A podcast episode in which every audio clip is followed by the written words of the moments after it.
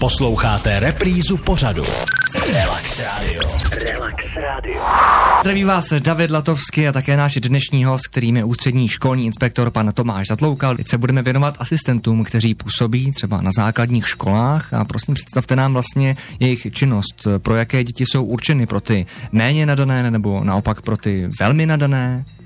Eh, my máme takovou zvláštní situaci, že máme asistenta pedagoga, eh, který se jmenuje stejně, ale eh, jsou vlastně, mají dvojí roli.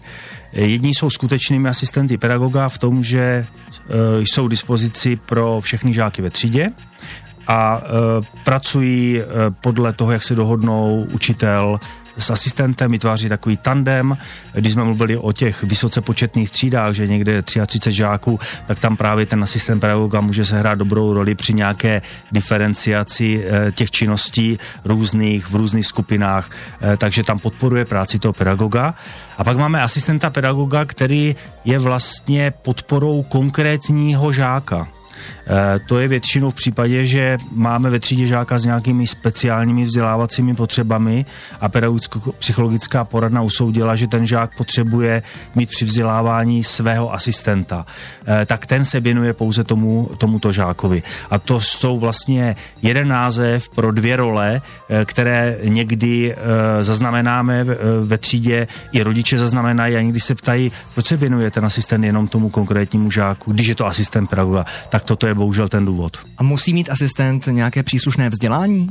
Ano, to vzdělání je definováno v zákoně o pedagogických pracovnících je uvedené, jaké, jakou odbornost musí mít, jaké musí mít eh, za sebou studium, v jakém rozsahu, v jaké, jakém obsahu a to je předpoklad pro to, aby eh, tu funkci mohl vykonávat. Ano, zdravím posluchače Zdeníka, který napsal, že chodil na základku před 20 roky a jejich ročník byl rozdělen na tři třídy. První třída nadané děti, druhá třída průměrné a třetí třída byly ty ostatní. Byl to podle vás správný přístup? Tak to je přístup, který e, pořád se trvává, pořád ho zaznamenáváme a je potřeba si jako říct, že e, Česká republika je už jedinou zemí v Evropě, která si myslí, že tento model je funkční.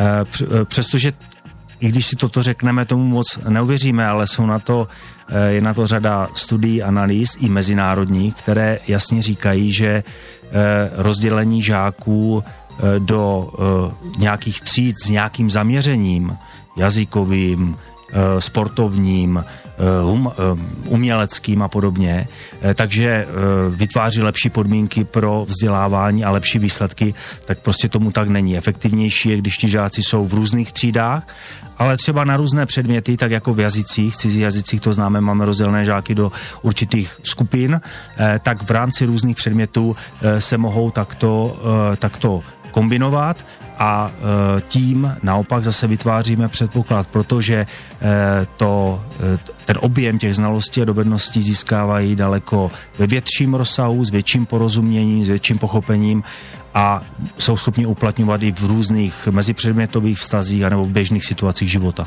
Už jsme tady zmínili, že chyby dělají žáci, učitelé, ale teď, respektive za chviličku, si vezmeme pod lupu i rodiče. I rodiče dělají chyby.